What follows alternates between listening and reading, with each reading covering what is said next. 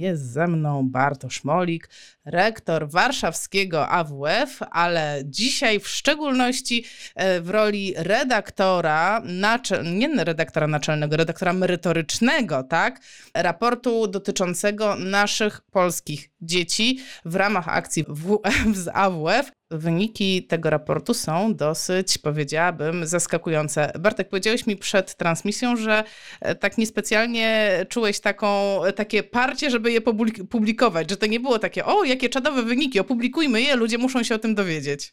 No tak, powiem, znaczy po pierwsze dzień dobry, bo zapomniałem powiedzieć dzień dobry, ale chciałem powiedzieć, znaczy zacząć od jednej rzeczy, że faktycznie temat jutrzejszy jest bardzo ważny i z Janną też zaczęliśmy na ten temat dyskutować parę minut temu, ale to jest inna sprawa, więc fajnie, jeżeli jutro będą, będzie jak najwięcej osób. Natomiast wracając teraz do WF za WF i raportu, rzeczywiście dokonaliśmy takiej analizy w ramach projektu WF za WF stanu kondycji fizycznej, y, fundamentalnych umiejętności ruchowych, zaraz o tym będę mówił, generalnie badań dotyczących stanu zdrowia dzieci i młodzieży w Polsce. Zaczęliśmy tak naprawdę w 2020 roku, bo w ramach pandemii ministerstwo zleciło nam projekt wszystkim AWF-om, żebyśmy pobudzili dzieciaki w, w, okresie pandemii, żeby oni, oni z tej pandemii wyszli, żeby je dzieciaki usprawniać na zasadzie dodatkowych zajęć, tak zwanych sportklubów, no i żeby dzieciaki były jak najzdrowsze, tak w cudzysłowie. No my oczywiście odeszliśmy do tego nieco inaczej, wiedząc, że mm, nauczyciele wychowania fizycznego są świetnymi oczywiście fachowcami, ale najprawdopodobniej potrzebują dodatkowych informacji dotyczących takiej wiedzy prozdrowotnej, działań takich na pograniczu fizjoterapii, oddziaływania w kierunku poprawy i wydolności fizycznej, jednocześnie i, i kondycji, i stretchingu, i innych elementów. Więc y, stwierdziliśmy, że mm, pierwszym etapem będzie szkolenie nauczycieli. Między innymi tymi szkoleniami zaczęli się interesować i wdrażać je również fizjoterapeuci, czyli nasza grupa. Przeszkoliliśmy na wszystkich AWF-ach e, w Polsce ponad 30 tysięcy nauczycieli, w tym, co ciekawe, nauczycieli edukacji wczesnoszkolnej, bo musimy wiedzieć, że niestety zajęcia wychowania fizycznego w klasach 1-3 prowadzone są przez nauczycieli edukacji wczesnoszkolnej. Czyli zaraz jak przejdziemy do tematu fizjoterapeuta w szkole, zaraz zastanówmy się najpierw od początku, że y, nawet nauczyciela wychowania fizycznego, a nie mówiąc już co, do, co dopiero fizjoterapeuty, nie ma w klasach 1-3. Więc zaczęliśmy szkolić tych nauczycieli, o tym pewnie zaraz do tego wrócę. No i między innymi zaczęliśmy badać kondycję fizyczną. I przyznam się, że warszawski AWE bada kondycję fizyczną dla 60., więc dla nas nie ma żadnych niespodzianek. My wiemy, że do lat 80. następował taki dynamiczny, dynamiczna poprawa sprawności fizycznej. Ja jestem z tego chowu, jak ja to mówię, podwórkowego, do tego też wrócę w lat, lat 80., gdzie moja sprawność fizyczna była coraz wyższa, szczególnie w, do rówieśników z lat 60., 70. Ona się poprawiała.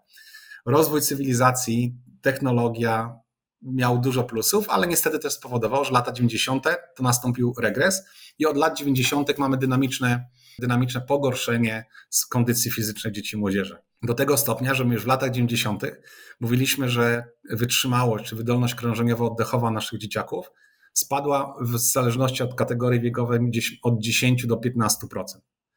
No i teraz co ciekawe, my to mówimy od 30 lat, y, że kondycja fizyczna dzieci i młodzieży jest coraz gorsza. No i tak naprawdę do nikogo to nie docierało. Zaczęliśmy więc kontynuować te badania. Zrobiliśmy ten raport kondycji fizycznej, tam robiliśmy proste testy sprawności fizycznej. Przebadaliśmy ponad 100 tysięcy dzieciaków. A powiedz no o tych testach. Co konkretnie badaliście? Co tam było w tym teście? Jak, jak, jak, wyglądał? To była deska, to było bieg 10 razy 5 metrów, to był BIP test, czyli ten y, bieg wahadłowy wytrzymałościowy i zwis na drążku. Proste cztery testy. To robili nauczyciele pod naszą kontrolą, między innymi. No i co się okazało? Że porównywaliśmy dzieciaki z roku 2021 do roku 2010. Co się okazało, że znów naj, y, cechą, która najszybciej spadała, no to znów była wydolność y, y, krążeniowo-oddechowa o kolejne 10-15%. Czyli możemy przypuszczać, że przez 40 lat, znaczy inaczej, moja wydolność jest lepsza niż dzieciaków w tej chwili. Moja wydolność z lat 80., a teraz jest mniej więcej 20-30% niższa. To już jest alarm. Natomiast dalej tak naprawdę, brutalnie mówiąc, nikogo to nie interesowało za bardzo, tak już mówię medialnie.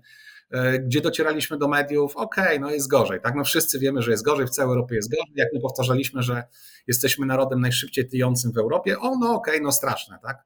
ale tak naprawdę medialnie nie, docie, nie dotarliśmy e, za bardzo, więc mamy, ma, stworzymy jeszcze dwie grupy badawcze.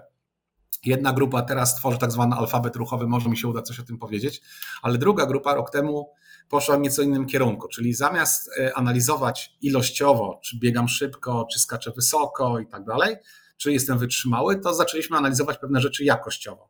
Czyli podeszliśmy do tak zwanej motoryki dużej. Zaczęliśmy analizować fundamentalne umiejętności ruchowe. My to robiliśmy wcześniej w przedszkolach e, na zasadzie takiego tak zwanego testu TGMW3, to jest test amerykański. My stworzyliśmy baterię testów polskich dla dzieciaków ze szkoły podstawowej gdzie analizowaliśmy sześć podstawowych umiejętności: kopanie piłki, chwytanie, skok przez skakankę, e, przewrót przód i tak dalej. Sześć, Je, sześć elementów. Jak się testuje kopanie? Czekaj, czekaj, jak się testuje kopanie? Nie, no nie, teraz ci nie, nie otworzę e, całego dokumentu, ale na przykład mamy konkretne e, komponenty, które na przykład, jeżeli chodzi o, o skakankę, każdy, każda, każda umiejętność ruchowa była analizowana przez 5C, czyli przez 5 komponentów. Za każdy komponent, jeżeli ja wykonywałem pewną czynność, dostawałem jeden punkt. Czyli jeżeli rytmicznie skakałem przez skakankę, to był jeden punkt. Jeżeli miałem łokcie blisko siebie, to też miałem dwa punkty. Jeżeli nie przerywałem skoku, e, pracowałem symetrycznie kończynami górnymi, to miałem trzy punkty i tak dalej. Czyli w sumie można było zebrać od 0 do 30 punktów. No i co się okazało? E, test, który został zwalidowany, opublikowany i tak dalej, wykazał, że 94% populacji dzieci i młodzieży w Polsce nie ma, e, nie ma podstawowych umiejętności ruchowych. Czyli tak naprawdę 6% dzieciaków jest w stanie tak naprawdę, może być tak naprawdę dziećmi utalentowanymi, sprawnymi fizycznie. 94 dzieci jest niesprawnych, jeżeli chodzi o sport, jeżeli chodzi o fundamentalne umiejętności ruchowe. No i to jeszcze powiedzmy nie docierało do, do społeczeństwa. Natomiast jak powiedzieliśmy, że 60% dzieci, dokładnie 57, żeby już nie, nie, nie skłamać, 57% dzieci nie umie skakać przez skakankę, to dopiero dotarło. I skakanka, wiedzieliśmy, że to będzie, będzie chwyt marketingowy, i oczywiście się okazało, że e, media rzeczywiście zauważyły tę skakankę i dopiero jak zaczęliśmy ludziom tłumaczyć, że wiecie co, bo jak mówiliśmy, że dzieci biegają wolniej, dzieci są słabsze, dzieci są wolniejsze, okej, okay, no są, ale jak powiedzieliśmy, że, dzieci nie, że 60% dzieci niemalże nie potrafi skakać przez skakankę, niemożliwe nie może, przecież ja skakałem. No każdy jakby tą skakankę przyjął do siebie i faktycznie no, większość dzieciaków nie potrafi w tej chwili skakać przez skakankę. 80% y, dzieciaków nie potrafi wykonać dobrze przewrotu w przód. 88 dokładnie, więc no to są wyniki alarmujące, tak? To mnie dosyć często pytają na kongresach w tej chwili w różnych wywiadach telewizyjnych, czy to znaczy, że polskie społeczeństwo jest niezdrowe? Ja nie, inaczej, czy jest chore, tak? Ja no, nie mówię, że raczej nie, raczej mówię, że jest mniej zdrowe niż do tej pory. No, nie chcę już alarmować aż tak, natomiast te liczby pokazują, że, że w tej chwili y, powinniśmy bardzo mocno z, z, zareagować i to nie tylko Ministerstwo Sportu czy Ministerstwo Edukacji, ale przede wszystkim Ministerstwo Zdrowia. I myślę, że takie plany są szykowane. My też taki y, jakby plan szykujemy na 14 września, kiedy szykujemy się do kongresu. Chcemy podczas kongresu przygotować taki mocny plan ratowania zdrowia polskich dzieci i młodzieży, bo rzeczywiście on wymaga takich systemowych działań e, no, no, dotyczących IWF-u i generalnie podejścia do, do aktywności fizycznej w Polsce, bo jeżeli nie zareagujemy odpowiednio, jeżeli nie, nie wyuczymy dzieciaków tego, nie uświadomimy, że regularna aktywność fizyczna to jest coś, co nie służy po to, żeby być sportowcem, tylko służy tego, temu, żeby być zdrowym, no to będzie coraz gorzej. Już jest naprawdę źle i to naprawdę te 94% pokazuje, że jest dramatycznie źle. Yy, mogę tylko, może to nie jest pocieszenie, ale jakby robimy badania w innych krajach, nie ukrywam, i w innych krajach jest podobnie źle jak u nas. To nie jest tak, że my jesteśmy gorsi od innych krajów, to jest generalnie problem, który występuje w całej Europie. Tak. No dobra, to ja tutaj rzucę kontrę, no ale przecież w ostatnich latach pozmieniało się, można powiedzieć, in plus, czyli zwiększyła się ilość lekcji WF-u w tygodniu w podstawówkach. E, wedle wytycznych WHO każde dziecko powinno mieć godzinę aktywności dziennie. Z tego co pamiętam, mam nadzieję, że się nie pomyliłam, no to ono załóżmy cztery razy w tygodniu to ma tą godzinę w ramach szkoły. E, no to co, zostaje im przez e, trzy dni się ogarnąć też godzinkę coś tam porobić, no to wiesz co, no nie wygląda tak strasznie tragicznie. No to jak to jest możliwe, że mamy więcej WF-u i gorzej funkcjonujące dzieci? Ja tego nie mogę zrozumieć. No i to jest ten problem. Co więcej, jeszcze mogę dodać, że podstawa programowa, czyli ta jakby ta Biblia cała dotycząca zajęć wychowania fizycznego, ona nie jest zła. Nawet mogę powiedzieć, że ona jest bardzo dobrze opisana e, i że w zasadzie treści, które powinni realizować nauczyciele, są bardzo dobre. Natomiast e, po pierwsze, e, już przed pandemią wiadomo było, że 80% dzieciaków nie spełnia tych norm WHO, czyli tej jednej godziny aktywności fizycznej dziennie nie spełnia e, jeden, 80% e, dzieciaków, czyli co, co piąty spełniał tę normę WHO, także to już był problem. Druga sprawa, e, zajęcia wychowania fizycznego nie były ukierunkowane i nie są ukierunkowane właśnie na fundamentalne umiejętności ruchowe. I to jest chyba problem, na który my też musimy zwrócić uwagę, czyli my od razu próbujemy dzieciaki wysłać na zajęcia piłki nożnej, y, koszykówki, tenisa zimnego i tak dalej, kiedy okazuje się, że dziecko nie potrafi wykonywać prostych czynności. I tu niestety znów kłaniają się klasa 1-3. Klasa 1-3 to jest ten złoty okres rozwoju fizycznego dzieciaka, kiedy dzieciak łapie bakcyla. Jak tam będzie dobry nauczyciel i nauczyciel, który y, jak to się mówi, y, namówi w odpowiedni sposób i zmotywuje dzieciaka do aktywności fizycznej, to super. Natomiast problem polega na tym, że jednak y, nauczyciele edukacji wczesnoszkolnej, z całym szacunkiem do tych nauczycieli bądź nauczycielek, no nie są na tyle dobrze przygotowani i wykształceni, co nauczyciele wychowania fizycznego. I tu jest ten problem. Dla nich, dla pani nauczycielek z edukacji wczesnoszkolnej, WF jest zajęciem dodatkowym, jest lekcją dodatkową. Więc y, z całym szacunkiem, no, ci nauczyciele nie potrafią tak dobrze dotrzeć na, na nauczyciela. Co więcej, jakby my nie kładziemy y, właśnie tego nacisku na fundamentalne umiejętności ruchowe. My powinniśmy dzieciaka najpierw nauczyć skakać, chwytać, biegać, y, wykonywać tych czynności, żeby on potem mógł uprawiać sport. Sport przez małe S, duże, duże S to nie ma znaczenia. Ja tylko powiem, że konsekwencją właśnie tego, że dzieci nie, nie, mają tych fundamentalnych umiejętności ruchowych w klasach potem 4-8, jest to, że w momencie, kiedy na zajęciach są jakieś trudniejsze elementy, a dziecko nie potrafi tego zrobić, no to dziecko wchodzi w kompleksy, dziecko czuje się wykluczone i dziecko nie, nie jest zainteresowane do uczestniczenia w zajęciach podstawowych. Ja mogę dać przykład mojego syna, mam nadzieję, że on tego nie słyszy. E, ja tylko mogę podać przykład, jak ja wykładałem w Stanach Zjednoczonych i, e, i mój syn był w pierwszej klasie podstawówki, tak, tam w szkole amerykańskiej. E, I on generalnie poszedł tam jako gwiazda tak? I poszedł, y, grał w lidze YMCA, on grał w lidze piłki nożnej, on był królem strzelców, on zdobywał w zasadzie 80% bramek drużyny, było super. On się czuł jak bohater. Y, co więcej, y, trening, on wtedy miał 5 lat. Trening pięciolatków w Stanach polegał na tym, że dzieciaki przez dwa tygodnie autentycznie uczyły się, jak kopnąć piłkę. Czyli jak podejść do piłki z trzech kroków, z dwóch kroków, z jednego, podejść i kopnąć piłkę. Mój syn już jako pięciolatek już sobie pokrywał tą piłką, robił co chciał. Ale był moment, że mój syn przyszedł do, ze szkoły i powiedział, tata, ja nie idę na WF. Ja mówię, znaczy nie, ja nie idę do szkoły. Ja mówię, dlaczego nie idziesz do szkoły? No bo, no bo nie. No i potem wyszło, że on nie idzie do szkoły, bo na WF-ie coś się dzieje nie tak. Co się okazało? Dzieci amerykańskie mają zupełnie inne przygotowanie motoryczne. Tak jak my y, umiemy grać nogą, tak dzieciaki w Stanach grają w koszykówkę i baseballa.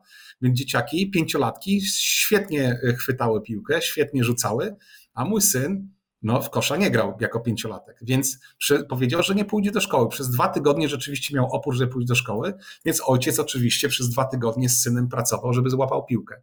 Nauczył się podstawowych umiejętności ruchowych, bo ojciec wiedział, jak go nauczyć, więc on po dwóch tygodniach to złapał, wrócił do szkoły, było wszystko ok. Ale ile jest takich dzieci, którzy, które nie są na przykład w Polsce uczone chwytania, biegania, skakania, i potem się okazuje, że one właśnie nie nauczone, nie zmotywowane odpowiednio, one nie pójdą do szkoły. Znaczy inaczej, pójdą do szkoły, ale będą szukały zwolnień z WF-u. Dla nich lekcja WF-u to jest męczarnia.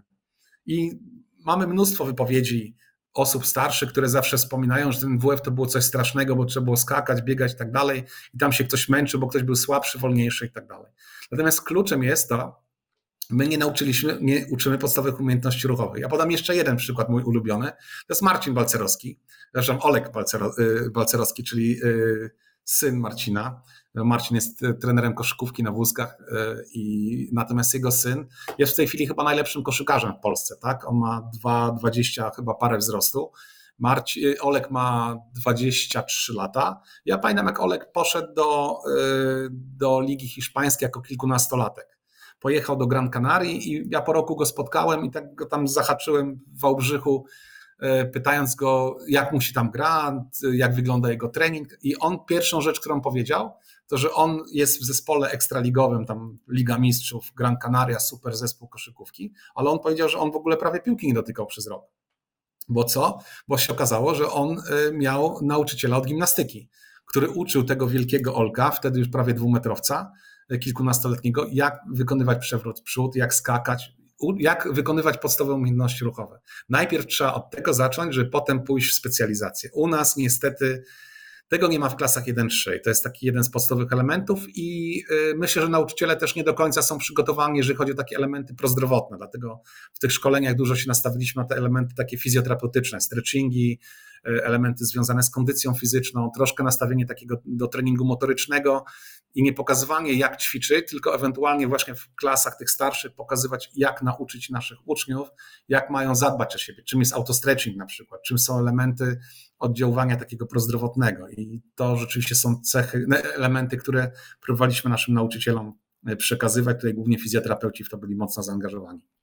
No i jak to poszło? W sensie, jak ci nauczyciele na to reagowali? Entuzjazm no. pełen, czy jednak dajcie mi spokój? Wiesz, bo ja tak sobie wyobrażam, E, nie mam mhm. doświadczeń z e, kończeniem studiów na Wydziale Wychowania Fizycznego, ale tak sobie mhm. wyobrażam, że z wychowania fizycznego wychodzi osoba, która jest dużo lepiej przygotowana do prowadzenia zajęć wychowania fizycznego niż ja. Więc gdybym ja była wykształcona w tej dziedzinie, no ja bym ci trochę kręciła nosem, jakby jakiś tutaj fizjo mi przyszedł i kazał, e, i on mi będzie tłumaczył, co ja mam robić. No elo, elo. No i rzeczywiście tak było. No nie ukrywam, że początki były nie były łatwe. Znaczy ja, ja nie ukrywam, że ja lubię wchodzić w dyskusje gremialne i wchodzę na różne portale nauczycieli, gdzie tam mamy po 20-15 tysięcy nauczycieli. Szczególnie jak się ten projekt zaczynał, to nie ukrywam, że dużo z nimi rozmawiałem. Oczywiście sporo mi się dostawało po głowie, bo y, jak to profesor Rąpała, nasz nauczyciel mówił, y, i to dosyć często powtarzam, nauczyciele nie chcę powiedzieć, że są najtrudniejsze, ale przynajmniej są jedną z najtrudniejszych grup pacjentów. I rzeczywiście no, pedagodzy, nauczyciele to jest taka grupa dosyć trudna. No, oni wiedzą lepiej, oni e, mają swoją wiedzę, co my będziemy im tłumaczyć i faktycznie jak zaczęliśmy te szkolenia, te szkolenia były limitowane do 120 osób, to zaczynaliśmy od takich forum dyskusyjnych, gdzie mogliśmy się, mogli nauczyciele się wypowiadać. No i oczywiście pierwsza godzina szkolenia to nam się równo dostawało, a co my im będziemy mówić? Oni mają 30 lat stażu, już oni wiedzą lepiej. My mamy doskonale y, pojęcie, czym jest WF, nie będziecie nas niczego uczyć. No ale w momencie, jak dochodziło do teorii i fizjoterapeuci, psychologowie, y, czasami też lekarze, no i oczywiście eksperci też metody, metodycy z wychowania fizycznego zaczęli pokazywać najnowsze trendy, innowacyjne rozwiązania, jeżeli chodzi o WF w szkole. No to jak potem przechodziliśmy już do części praktycznej, to okazywało się, że ta grupa początkowo bardzo marudna, która lała nam, nas po głowie równo, to jednak jak dokonywaliśmy analiz e, ewaluacji na koniec takich szkoleń, to okazywało się, że 88% oceniało te szkolenia jako bardzo dobre. Także dostawaliśmy największe oceny, to co rzeczywiście jest, dla nas jest bardzo, było bardzo cenne, bo nie ukrywaliśmy, że wiedzieliśmy, że mamy do czynienia z trudną grupą, bo nauczyciele oczywiście są doskonale przygotowaną grupą i czasami trudno pokazać, że jeszcze są jakieś najnowsze trendy, to jednak okazywało się, że potem dochodziliśmy do konsensusu i rzeczywiście zdecydowana większość oceniała te szkolenia bardzo wysoko. E, wiesz co, taki mamy komentarz na czacie i ja się no. troszeczkę, troszeczkę go sparafrazuję. Tutaj Ania mhm. napisała, że to też jest troszeczkę po stronie babci, bo to babcie mówią nie biegaj, bo się spocisz, nie właź, bo spadniesz. E, I z drugiej strony bardzo często słyszę od nauczycieli w kwestii wychowania dzieci, wiesz co Asia, no ale to dziecko jest u nas tylko parę godzin w szkole i tak naprawdę gro tego wychowania jest po stronie rodziców. To może oprócz e, tych nauczycieli wypadałoby edukować E, rodziców, no bo no, czym skorupka za młodu nasiąknie i tak dalej. Tutaj Mirek pisze, e, no ale z drugiej strony ci dorośli coraz więcej pracują, kiedy oni mają z tym dzieckiem wychodzić i ja to też rozumiem, no jeżeli ktoś spędza od, nie wiem, 7 rano do 19 czas w pracy, no to on nie wyjdzie i nie porzuca z tym dzieckiem piłki, a ono siedzi i wtedy że tak powiem, e, e-sport uprawia co najwyżej. Więc może to jest w ogóle szerszy problem. No to jest zdecydowanie szeroki problem, bo akurat no, komentarze są bardzo celne, tak? No przede wszystkim my musimy pamiętać, że zmieniła się mentalność. Ja cały czas powtarzam we wszystkich mediach, jeśli nie boję tego, tego mówić, że jestem chowu podwórkowego. Ja jestem z lat 80., kiedy ja się wychowałem w szkole podstawowej e, i mnie rodzice gonili do domu. Ja, e, ja haratałem w gałę, ja biegałem na podwórku, ja bawiłem się w różne zabawy chowonego i tak dalej i my większość czasu spędzaliśmy na podwórku. Dla mnie WF, fakt, że ja jestem ze szkoły sportowej, z podstawówki, gdzie miałem 4 godziny WF-u dziennie, dwie rano i dwie po południu, więc to jakby zupełnie inne, inne rozwiązanie. I mimo to my jeszcze ganialiśmy na podwórku, więc my cały czas, cały czas spędzaliśmy czas na podwórku i rodzice nas na siłę zaganiali do domu, do, żebyśmy zostali w domu, czytali i tak dalej, robili lekcje. Teraz jest inaczej. Teraz dzieciaki y, na siłę są wyrzucane na podwórko. Dzieciaki nie chcą iść na podwórko, tym bardziej, że widzimy, jak teraz osiedla wyglądają. One wyglądają zupełnie inaczej w tej chwili niż kiedyś. Orliki to jest już y, rarytas, na którego czasami trudno się dostać, bo orliki są zamknięte. Y, jest zupełnie inny system. Tu, tu jest racja taka, że my nie mamy podejścia systemowego, dlatego my chcemy na wrzesień przygotować cały czas moje zespoły badawcze.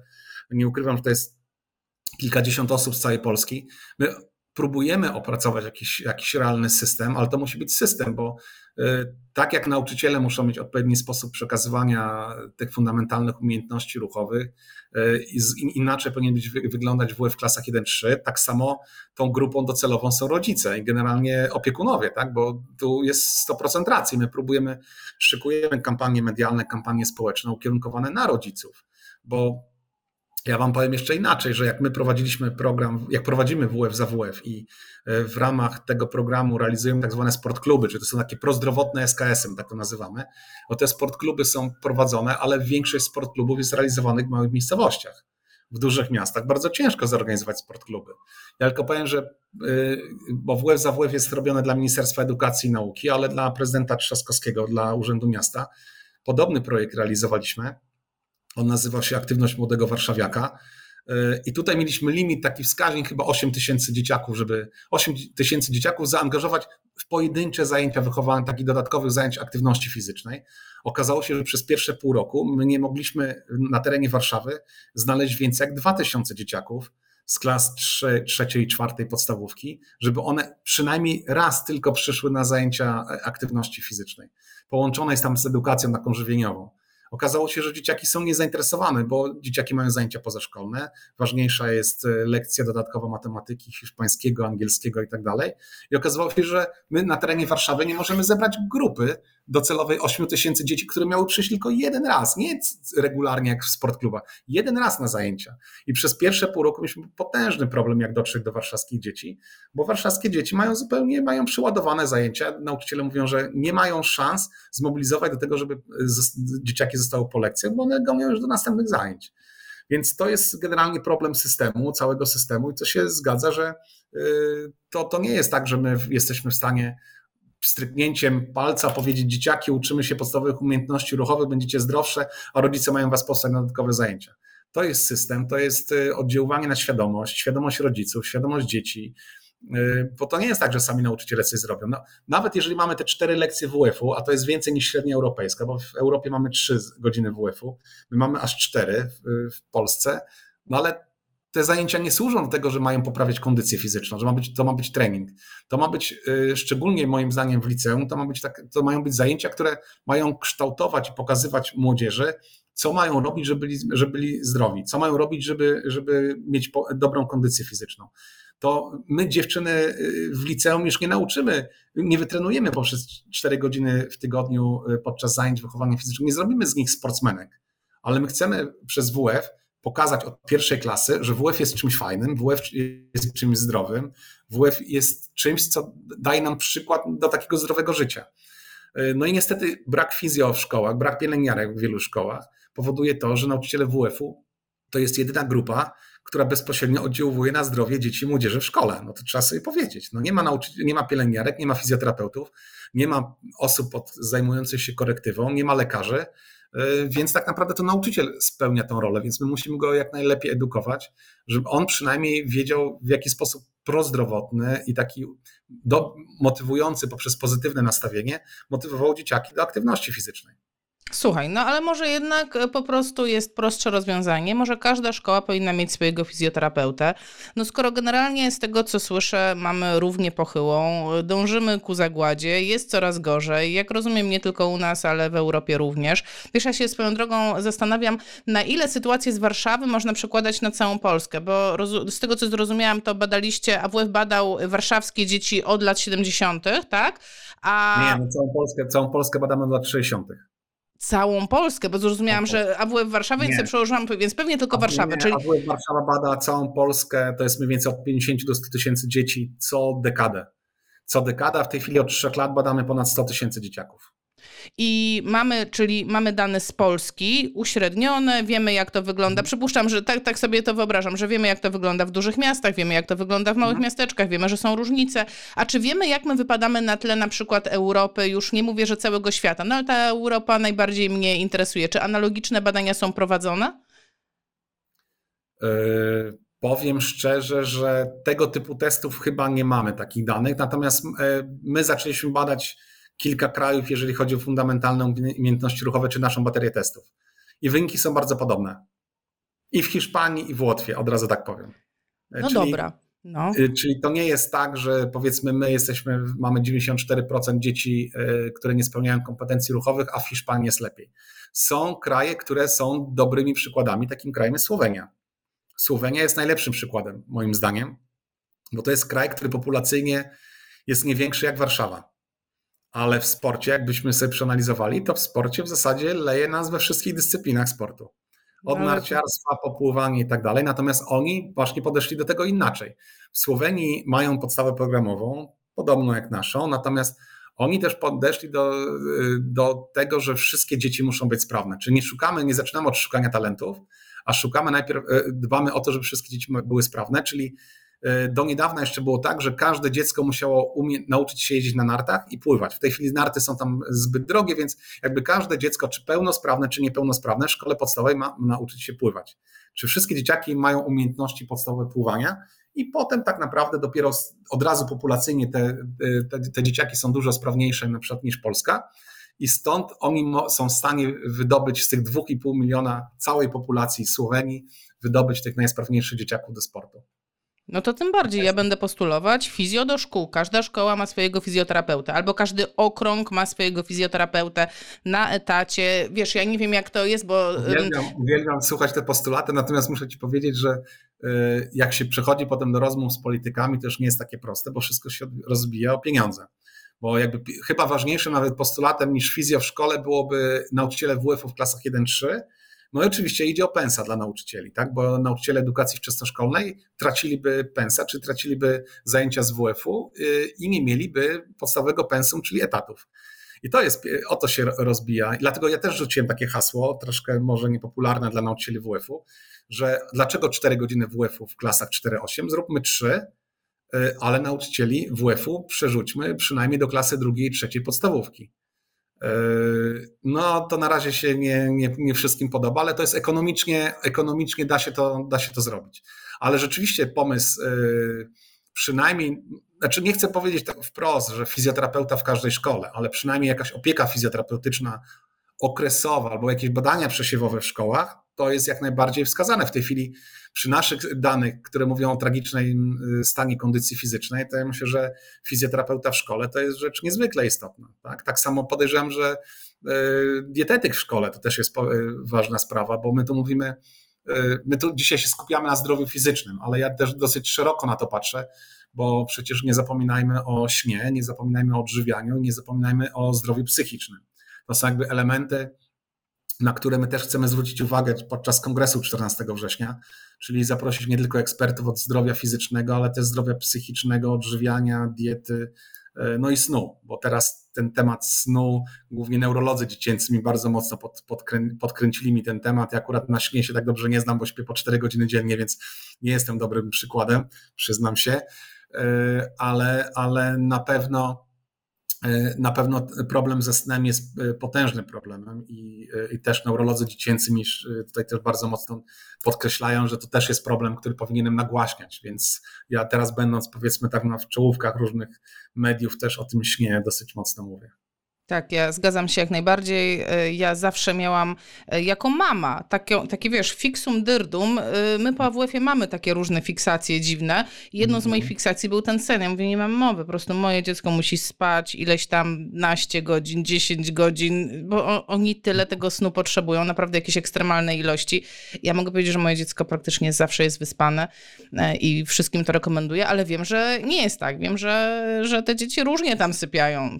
Mm, zwłaszcza z tym wtedy. To jest też problem, bo też mocno dyskutujemy, czy faktycznie zajęcia na przykład o 8 rano y, są dobre, bo jednak większość dzieciaków ledwo co wstaje z rana i tak naprawdę niektóre kraje, z tego co wiem, y, szukają rozwiązań, żeby zajęcia na przykład zaczynać o 10 albo 11. Tak. Czyli dziecko się wysypia, dziecko idzie do szkoły. To jest tym samym, y, to jeszcze też nie mówiłem, że w ramach WF za WF mam trzeci zespół, zespół badawczy, to za bardzo nie chcę o tym mówić, bo to we wrześniu chcemy to sprzedać już dokładnie, który mm, kopiuje rozwiązania z Kanady, ze Stanów Zjednoczonych i z Australii, bo my nic nowego nie wymyślamy, co najwyżej adaptujemy narzędzia. No i mówimy o tak zwanym alfabecie ruchowym. Alfabet ruchowy to jest y, właśnie nauka podstawowych umiejętności tych ruchowych, ale również działanie poprzez motywację i ten alfabet ruchowy bardzo mocno podkreśla Y, że aktywność fizyczna nie działa na ciało, ale przede wszystkim na umysł. Y, Stany Zjednoczone mają kilka dystryktów, w których y, dzieciaki zaczynają zajęcia szkolne od WF-u. Nazywa się to Ready for Learn, czyli gotowy do nauki.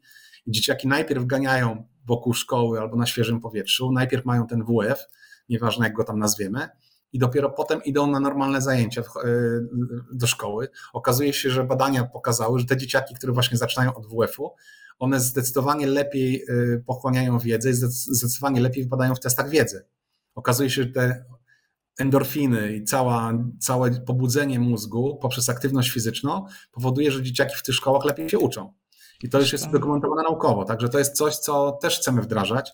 Tak samo innym rozwiązaniem jest brain breaks, czyli E, takie przerwy e, dla umysłu, czyli zrobienie więcej przerw w szkole i częstszych, ale te przerwy mają się nie, nie znaczy nie, nie, nie, mają się koncentrować na siedzeniu w ławkach, czy tam siedzeniu na przerwie i nie wiem, siedzeniu przy smartfonach, a na aktywnościach fizycznych. I to jest właśnie coś, co wiele krajów stosuje, czyli na przykład nawet są takie przykłady, gdzie malowane są różne tam gry, gry na korytarzach i tak dalej, gdzie dzieciaki idą na korytarz, dzieciaki się bawią. Bawią się poprzez ruch. Czy te przerwy ruchowe, częste przerwy ruchowe w szkole pomiędzy lekcjami, ta aktywność fizyczna, taka częsta, e, ona nie musi być submaksymalna i maksymalna, ale taka zabawa poprzez ruch, ona powoduje bardzo dużo fajnych rozwiązań i ona też bardzo e, mocno wpływa na umysł. I to neurolodzy dziecięcy, cieszę się, że mnie popierają, byłem na kongresie neurologii dziecięcej, chyba dwa miesiące temu i oni bardzo, bardzo, i się zdziwiłem, że lekarze też to czują, tak, bo no wiadomo, z lekarzami czasami jest różnie, a neurolodzy dziecięcy bardzo, bardzo to podkreślają i też doceniają tą rolę aktywności fizycznej, co mi się bardzo podoba i oni też o tym bardzo głośno już w tej chwili mówią, bo na to mamy badania naukowe. I to ten patrz. alfabet ruchowy, co ciekawe, ten alfabet ruchowy to, y, bo u nas w Polsce my podchodzimy do aktywności fizycznej do WF-u poprzez Ministerstwo albo Edukacji i Nauki, albo poprzez y, Ministerstwo Sportu i Turystyki a ten alfabet ruchowy został wdrożony we wszystkich krajach poprzez działania systemowe wielu ministerstw, ale zawsze liderem było Ministerstwo Zdrowia. To Ministerstwo Zdrowia jest liderem, który wprowadza właśnie tą potrzebę regularnej aktywności fizycznej. Patrz, jest tyle rzeczy, o które chcę się zaczepić, ale muszę się wrócić do tych endorfin, muszę się, muszę się wrócić do tych endor, endorfin, że ten ruch jest taki pozytywny i taki super i wszyscy mhm. tak w sumie my o tym wiemy, a ja tutaj wrzucę łyżkę dziegciu, no fajnie, fajnie, wszystko się zgadza pod warunkiem, że ten ruch był miły, sympatyczny i spowodował wyrzut endorfin, bo jeżeli ruch mhm. był niemiły, niesympatyczny, stresujący, to jedyne co powstało to adrenalina i kortyzol i to dziecko jest wkurzone, zmęczone, zapocone, często nieprzebrane i zmuszone do ciężkiego wysiłku, nie wiem, matematyka po dwóch godzinach basenu. I ja takie przypadki też znam e, z mojej szkoły, znaczy no nie mojej, mojego syna, tak? Więc e, to nie jest tak do końca, że ruch, ruch, ruch, ruch, ruch, ale jednak jeszcze co to jest za ruch e, ma znaczenie. Mhm. Nie no, zgadzam się, ale to znów wracamy do klas 1-3 jeżeli zajęcia są poprowadzone w sposób innowacyjny, ciekawy, y, powiedziałbym o tym podejściu hedonistycznym, bo to takie, taka ładna nazwa, no to wtedy jest ok. Tylko, że mówię, to chodzi o to, żeby w klasach 1-3, tak naprawdę 2-3, bo klasa pierwsza to powiedzmy jest pewna adaptacja do szkoły, ale w klasach drugiej trzeciej podstawówki ten WF był zajęciem przynoszącym radość. Tam nie musi być rywalizacja, bo ta rywalizacja e, jest niepotrzebna, e, e, niepotrzebna jeszcze w klasach 2-3. Tam musi być właśnie pozytywne nastawienie, tam musi być pokazanie pozytywnego wizerunku nauczyciela WF-u, to jest raz, i korzyści, które daje aktywność fizyczna. Tak naprawdę to jest też kwestia, znaczy dobry nauczyciel od WF-u musi być dobrym fizjoterapeutą po części i dobrym psychologiem. to ja zawsze też powtarzam, musi mieć trochę tych umiejętności terapeut, fizjoterapeutycznych i trochę psychologicznych. I y, nauczyciel WF-u jest do tego predysponowany, jeżeli się trochę przeszkoli. Gorzej jest, tak jak mówię, z nauczycielami edukacji wczesnoszkolnej. Ja też dam przykład, bo y, nasza wspólna znajoma, ale nie mogę teraz powiedzieć wprost y, z imienia, nazwiska, bo zaraz by mnie tu sprzedała, przyszła do mnie ze dwa miesiące temu i powiedziała, że ona wróciła z wywiadówki, gdzie rodzice poprosili panią wychowawczynię, żeby dzieci nie miały WF-u na świeżym powietrzu, bo dzieci się przeziębią. I to jest, to jest, to jest środowisko warszawskie. Nauczyciele wystąpili z petycją, że dzieciaki nie mogą wyjść na podwórko, pobiegać, bo dzieci się przeziębią. No to jest y, w tej chwili takie nastawienie rodziców, więc y, no, to naprawdę wygląda źle. Mamy mnóstwo takich przykładów. Natomiast wracając do, do WF-u, jeżeli WF jest prowadzony celowo, bo w tej chwili WF dosyć często prowadzony w klasach 1-3, tak nadeszła moda takiej spontaniczności. Zaczęliśmy mówić, że zajęcia WF powinny być spontaniczne. Jak zaczniemy coś robić spontanicznie, a nie celowo, to właśnie wtedy dzieciaki, dzieciaki się nie nauczą podstawowych umiejętności ruchowych. To tak jakbyśmy matematykę, matematykę zaczęli robić, analizować i działać spontanicznie. No nie da się spontanicznie nauczać pewnych czynności. Musimy nauczyć dziecka w sposób celowy. I tej celowości u nas nie ma, i to jest podstawowy błąd, który jest. Jak nauczymy dziecka biegać, skakać, obracać się, pokonywać przeszkody, robić przewrót, przód, skakać przez skakankę, to dzieciaki same będą chętne do, do, ćwiczeń, bo one będą widzieć, że to przynosi im korzyści, nie są słabsze, one są równie dobre jak wszystkie inne i każdy jest mistrzem świata dla samego siebie i to jest fajne. A w momencie, kiedy my się skupimy, że część dzieci będzie uprawiało sport na jakieś zajęcia dodatkowe, będzie przychodziło, będzie lepsze od innych, to te 6% dzieci będzie rzeczywiście utalentowanych, a pozostałe będą, będą powoli wykluczane coraz słabsze będą wykluczane z grupy i nie będzie mi się chciało ćwiczyć, niestety. To wiesz co, ja znowu wrzucę e, łyżkę dziegciu, Wrócę. ponieważ e, jesteśmy w totalnej opozycji. Ty byłeś w szkole sportowej, ja byłam w zwykłej szkole, e, ty pewnie byłeś sprawny fizycznie, ja zawsze byłam, w, ja byłam w tym ogonie. Wiesz, ja byłam ty, tym dzieckiem, co nie może przebiec tych 800 metrów. Jak miałam się dostać na WF, to było największa katorga, to było przygotować się do sprawnościowych. Wiesz, w ogóle bardziej umysł niż ciało i ja wspominam tę większość zajęć WF-u, większość zajęć nawet na AWF-ie jako dramat, po prostu dramat. Wiesz, no masz nadwagę, biegniesz, tutaj no. cię, wszyscy, niedobrze ci. Ja jeszcze jestem z domu, gdzie e, palili, paliło się, rodzice palili w domu. Wiesz, no kiedyś taka była kultura, tak? Tak się kiedyś żyło. Też jestem dzieckiem lat 80., więc jak się potem dowiedziałam, że ja 20 lat praktycznie byłam biernym palaczem i no w sumie nic dziwnego, że miałam problemy z bieganiem, i to wszystko odczarowałam dopiero tak naprawdę dużo, dużo później w dorosłości sama, kiedy znalazłam tą frajdę z aktywności fizycznej. I ja troszkę się nie dziwię, jeżeli dziecko, które ma już jakieś wyjściowe problemy, a teraz mówisz 94% dzieci ma jakieś problemy, że one tego nie lubią, bo to jest ciężkie, bo ty się spocisz, tu cię obetrze, tu się z ciebie śmieją, tutaj wiesz, jeszcze wchodzą nastoletnie lata, to jeszcze e, dokuczają sobie, a chłopcy dokuczają dziewczynkom. Ktoś napisał na czacie, że kiedyś to dziewczynki osobno miały z chłopcami WF. E, u mnie chyba tak nie było, no ale jakby, mm, e, no jakby rozumiem to, że tym dzieciom może być ciężko na zajęciach fizycznych i jeszcze wrzucę jedną rzecz. Wiesz, ja mam tradycje takie AWF-owe w rodzinie. Mam ciocię, która ma w tej chwili 80 lat i przez całe życie była nauczycielem wychowania fizycznego i wiesz, co było najlepszą motywacją? Wiesz, jaka, wiesz, ona była dla mnie idolką, bo ile razy ją widziałam jako dzieciak, to ona zawsze siedziała, wiesz, wszyscy siedzieli przy stole, jedli coś tam, a ona z ciężareczkiem przed telewizorem, tu pompowała jedną rączkę, tu pompowała drugą. I jak z nią rozmawiałam, teraz już w dorosłości, ona mówi, Asia, jakie wychowanie fizyczne? kultura fizyczna. I to wiesz, yy, i tak sobie wyobrażam, że ten nauczyciel, który yy, postrzega swój zawód jako kulturę fizyczną, jako szerzenie czegoś więcej niż tylko, czy ty zrobisz przewrót w przód, czy go nie zrobisz, czy podbiegniesz, czy się zmieścisz w czasie, czy się nie zmieścisz, no to ja bym takich nauczycieli chciała. Chciałabym właśnie tą frajdę z ruchu. Ma, no jest i... w planach e, takich e, tych o których wspominałeś, takie wprowadzenie, no nie wiem, takiego positive approach, takiego pozytywnego ruchu, pozytywnego nauczyciela, pozytywnego wizerunku, żeby to było takie, no takie fajne, że ja chcę to robić. A to w zasadzie powiedziałeś dokładnie to co, to, co to, co robiliśmy dwa lata temu na szkoleniach. Jakby pierwszą część zajęć nazywała się Pozytywny Nauczyciel Wychowania Fizycznego. Czyli dokładnie to, co powiedziałeś, to, to od tego uczyliśmy, tak? Znaczy nie ja, eksperci. Eksperci uczyli nauczycieli właśnie, jak stworzyć pozytywny wizerunek nauczyciela wychowania fizycznego. To, było, to była przede wszystkim y, sztuka, jak dotrzeć do nauczycieli, żeby oni dotarli do dzieci i tak jak powiedziałeś, żeby ten, to, ten WF to była frajda.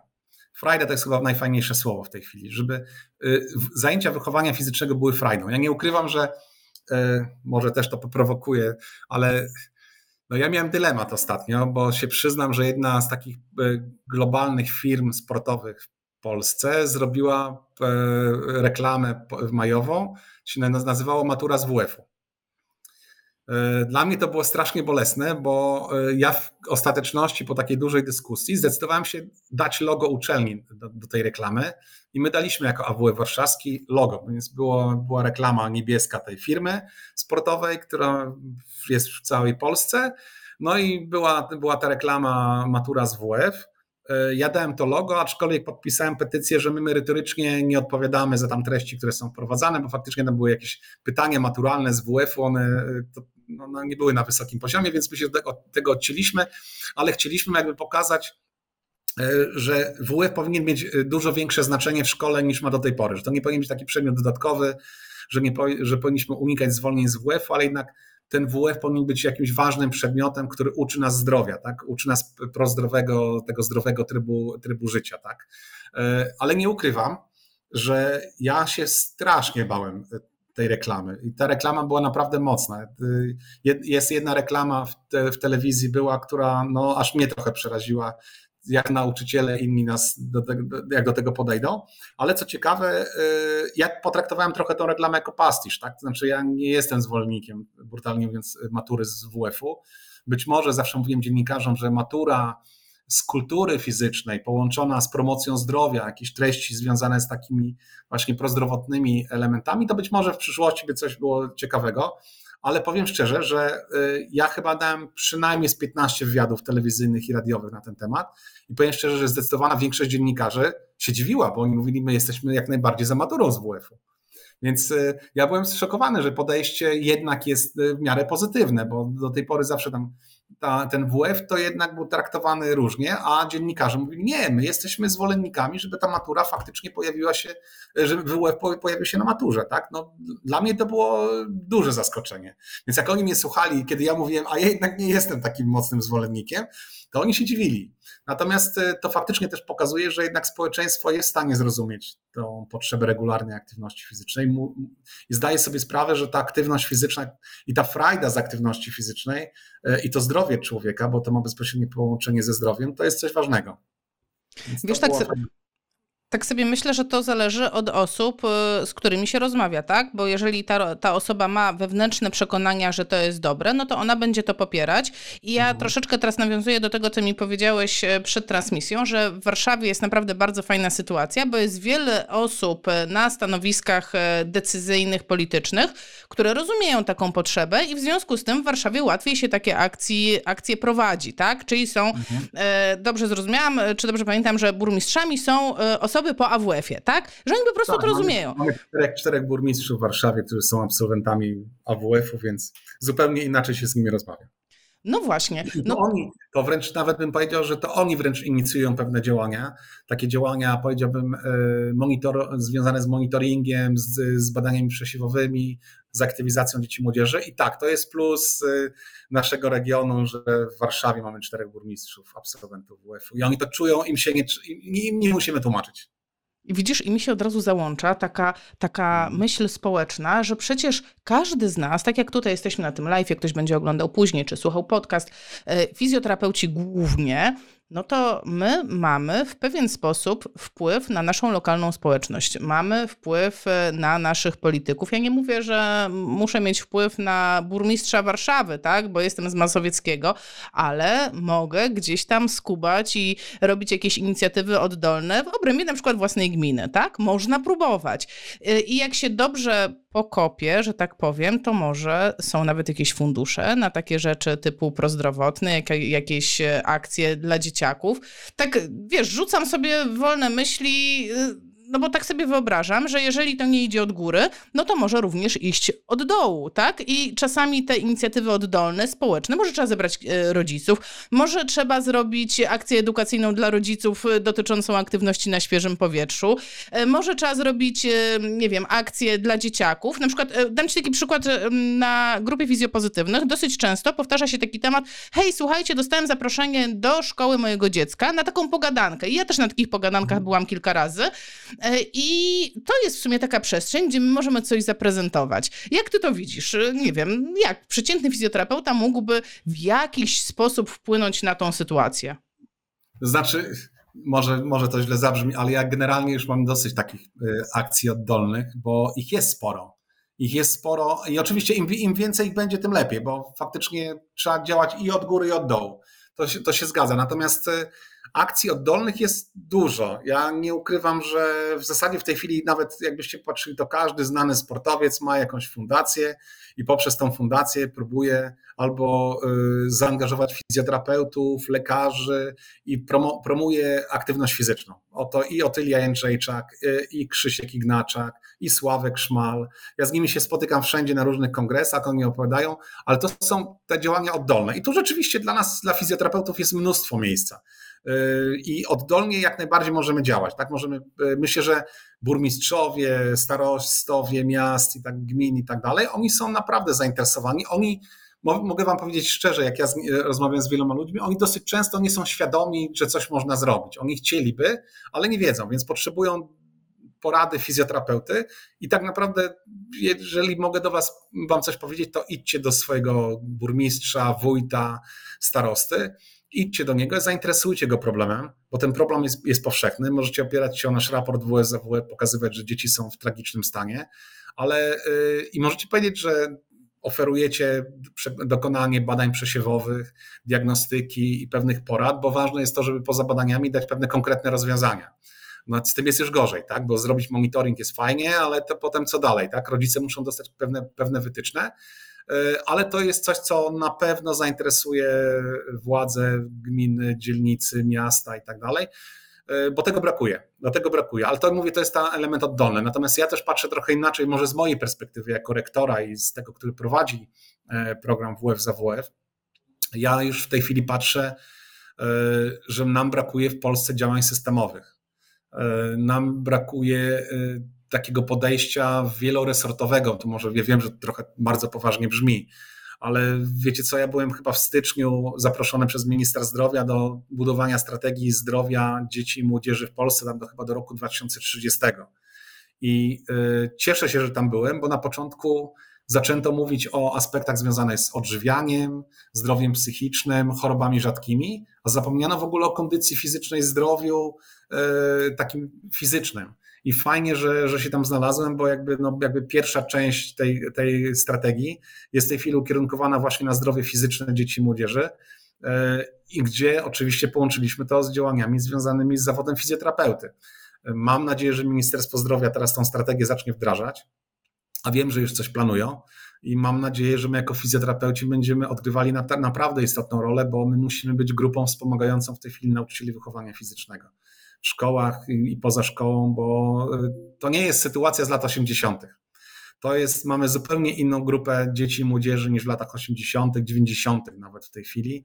Jest to grupa, która korzysta z laptopów, ze smartfonów, sami wiecie, co się dzieje, jak wyglądają spotkania, jak te dzieciaki nie chcą wychodzić w tej chwili, żeby pograć w piłkę, żeby wyjść i spontanicznie pobawić się na podwórku. To jest inna grupa. My jakby cały czas jakby patrzymy na siebie, ale nie patrzymy przez pryzmat tego, co się dzieje w tej chwili. No, to jest inne pokolenie. My musimy w tej chwili jako fizjoterapeuci bardzo mocno oddziaływać na, na zdrowie i tak jak już powiedziałem, wspomagać y, nauczycieli wychowania fizycznego. To jest nasza podstawowa rola w tej chwili. Czyli z jednej strony spokojnie robić sobie te akcje, powiedzmy, w obrębie klasy własnego dziecka, czy w obrębie własnej gminy, jeśli mamy na to przestrzeń, umiejętności, tak? No ale z drugiej strony, wiesz, bo tak mówisz, że potrzebne są te systemowe zmiany. Czy przeciętny fizjoterapeuta ma jakikolwiek wpływ na zaistnienie bądź niezaistnienie takich zmian?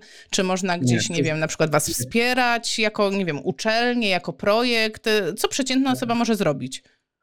To znaczy, jeżeli chodzi o nauczycieli, nauczyciel wychowania fizycznego, może się wdrożyć projekt, bo on może poprowadzić sportkluby, czyli może prowadzić zajęcia, do których, y, za które my tak naprawdę, które opłacamy.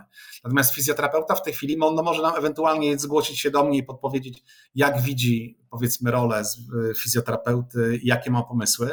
Y, I my te pomysły w tej chwili zbieramy, nie ukrywam, tworząc tą strategię na 14 września. Natomiast myślę, że w momencie, kiedy pokażemy strategię, każdy fizjoterapeuta, nauczyciel wychowania fizycznego będzie mógł się włączyć w tą strategię. Czyli jak strategia zostanie y, opublikowana i wdrożona przez ministerstwa, to myślę, że wtedy tak naprawdę no, rola fizjoterapeuty i nauczyciela WF-u to będzie włączenie się w działania, mm, do których będziemy namawiać. Czyli tak w praktyce. Wiesz, ja tak od razu patrzę bardzo praktycznie, kończy się rok szkolny, czyli to, co mogę zrobić, mogę podrzucić na przykład nauczycielce wychowania fizycznego stronę WF za WF. Mogę nakierować e, na ten live, tak? Nie każdy ma e, chęć, e, przestrzeń, ochotę, żeby wysłuchiwać godzinną rozmowę, ale może przeczyta sobie o projekcie. Więc tak naprawdę, tak jak tutaj jesteśmy, możemy podrzucać osobom, które faktycznie mogą coś zrobić, bo tymi osobami są nauczyciele WF-u, tak? Powiedzmy to jasno i wyraźnie, że to nauczyciel właściciel WF-u jest w stanie się połączyć w akcję, jest w stanie dostać dofinansowanie, jest w stanie dostać wasze wsparcie do tego, żeby stworzyć przestrzeń dla dzieciaków do, e, nie chcę powiedzieć uprawiania aktywności fizycznej, do poprawy własnego zdrowia, własnej kondycji, tak, świadomości, no bo to bo rozumiem jest... Dodam, dodam się nauczyciele WF-u, ale też nauczyciele edukacji wczesnoszkolnej bo nauczycielki edukacji wczesnoszkolnej też mogą te zajęcia prowadzić. Dlatego one, y, my będziemy postulować, żeby tych nauczycieli edukacji wczesnoszkolnej odpowiednio szkolić. I to muszą robić i nauczyciele WF-u, i fizjoterapeuci. A jakby ktoś chciał zostać teraz, tak wiesz, słucha nas, tak myślę sobie, a ja mhm. bym chciał szkolić tych nauczycieli. Ja mam taką żyłkę szkoleniowca, to też można się załapać do projektu, czy mm. to już jest zamknięty temat? Znaczy, szkolenia skończyliśmy w 2021 roku. Nie ukrywam, że tam e, ekipa, która pracowała przy tym projekcie, to było ponad 400 osób, także to była potężna grupa.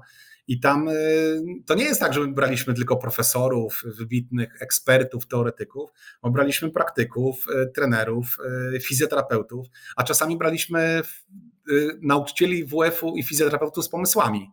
Y, to w zależności od ośrodka. My, my wielokrotnie braliśmy naprawdę, jak to się mówi, niemalże z ulicy, osoby, które do nas się zgłaszały, mówiły: O, my mamy pomysł, mamy fajny projekt, chcemy to pokazać. Ich też braliśmy tego typu, typu działań, bo dzielenie się przykładami dobrego działania jest rzeczywiście cenne, bo to nie jest tak, że Bartek Molik z ekipą będzie miał pomysł na, na wszystko. Czasami są tak świetne, oddolne inicjatywy i tak fajne projekty, które realizują nauczyciele ja pamiętam, mieliśmy chyba ze Śląska kiedyś mi się zgłosiła jakaś pani nauczycielka super projektem, która w ogóle prowadziła multimedialne jakieś potem działania w czasie pandemii z dzieciakami. No i ona po tych kilku tygodniach została włączona do kuratorium i tam jest ekspertem w kuratorium na, na Śląsku i szkoli nauczycieli do tej pory. I rzeczywiście no, wspaniała postać, tak? Ale ona sama doszła do tego, jak y, aktywizować dzieciaki w dobie pandemii poprzez różne akcje, y, Pokémony i te wszystkie inne działania, grywalizację, bo grywalizacja też jest fajnym, fajnym rozwiązaniem. I, I mnóstwo jest fajnych ludzi, którzy, którzy robią, których y, czasami trudno wychwycić, więc oni się do nas zgłaszają, my ich też bierzemy do, do roboty. Rewelacja.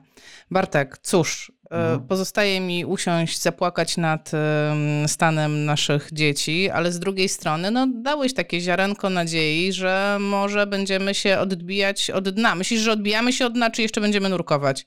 Znaczy naszą rolą jest to, żeby te 94% spadało w dół i naszą rolą jest to, żeby pokazywać, że ten wskaźnik za chwilę będzie 80%, 70%, 60%, no bo to już gorzej prawie być nie może, więc my teraz musimy patrzeć optymistycznie. Znaczy ja lubię wyzwania, jestem tym człowiekiem, który, który e, uwielbia wyzwania i dla mnie te 94% to pokazało, jakie olbrzymie wyzwanie jest przed nami, fizjoterapeutami, nauczycielami WF-u i tak dalej.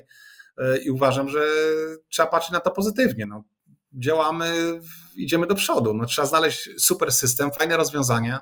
Trzeba w sposób systemowy nie tylko poprzez pokazywać, jak nauczać, ale jak dotrzeć do społeczeństwa, jak wypromować pewne działania.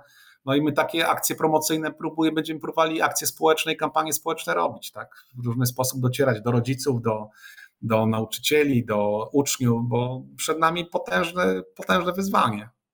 Gdzie was śledzić? Gdzie śledzić to, co dzieje się na bieżąco? Jest portal WF za WF. Nawet tam chyba mamy 4000 y, minut filmów instruktażowych dla nauczycieli. Też tak y, ocierających o fizjoterapię, co niektóre, więc tam mamy ćwiczenia, jak ćwiczyć w domu, jak ćwiczyć na zewnątrz, oddzielnie dla nauczycieli, oddzielnie dla, dla dzieciaków można tam wejść, także zapraszamy. Ja no i tam... zapraszam do kontaktu bezpośredniego ze mną. Ja nawet widziałam tam filmy dla rodziców, więc jak ktoś nie ma tak. pomysłu. I to jest, wiesz, tak mi się wydaje, że to może być pomysł też na zajęcia, jak przychodzicie, bo mhm. oglądają nas głównie fizjoterapeuci do szkoły i prowadzicie zajęcia, mhm. to można nakierować e, dzieciaki, rodziców, czy w czasie wywiadówki, hej, jest taki portal, tam są różne ćwiczenia, jak nie mhm. macie pomysłu, co zrobić z dzieckiem, to tam są różne przykłady takich... Może, może tak na zakończenie jeszcze podam, bo sobie tak mówiliśmy trochę o tym WF-ie klasach 1-3, fizjo w szkole. Ja powiem szczerze, że dużą rolę pełnią burmistrzowie, właśnie starości, prezydenci. Ja wam dam przykład. Burmistrz Żoliborza jest absolwentem e, AWF-u też i na przykład on wprowadził do klas 1-3 jako asystent nauczycieli WF-u. Czyli na Żoliborzu jednak e, w klasach 1-3 nie są nauczyciele edukacji wczesnoszkolnej, a są nauczyciele WF-u, bo to burmistrz zna problem. Jest po AWF-ie, wie na czym e, te, te, same badania, co my robiliśmy, on też je wykonywał e, jakiś czas temu, więc on zna dokładnie sytuację i on tam podjął bardzo zdecydowane kroki. W Białej Podlaskiej, gdzie jest nasza filia, w całym mieście, obok nauczycieli edukacji wczesnoszkolnej, zajęcia WF-u prowadzą nasi studenci w ramach praktyk studenckich. Więc takie działania są realizowane. No i teraz kolejny krok, podejrzewam, że wprowadzić fizjo. Fizjo, który będzie działał na zasadzie fizjoprofilaktyki, bo przypominam, fizjoprofilaktyka w ustawie też jest wpisana przy naszym zawodzie i to jest takie hasło bardzo ważne. Ja, ja też się wpisałem do strategii zdrowia dzieci i młodzieży do 2030 roku. No i myślę, że to jest piękne podsumowanie naszej dzisiejszej rozmowy. Słuchajcie, działajcie, działajcie, róbcie co możecie, y, no bo co, no to nasz naród, tak? Wiesz, bo to takie też z drugiej strony podstępne. Jak te dzieci będą, jak te dzieci będą takie niesprawne, no to wiesz, to, to jest kasa dla fizjo później. No bo. No, Ach, no pewnie tak. No. Ja Nie. skupmy się na fizjoprofilaktyce. Tak, fizjoprofilaktyka. Kochani, bardzo dziękuję Wam za spędzenie dzisiejszego wieczoru z fizjopozytywnymi. Bartku, Tobie również bardzo, bardzo dziękuję za podzielenie się wiedzą e, na temat e, kondycji naszych dzieci. Bardzo dziękuję za ten czas, który nam poświęciłeś i mam nadzieję, że nie był to ostatni raz na fizjopozytywnych. Super, dzięki, pozdrawiam serdecznie. Do Cześć. Zobaczenia. Bye.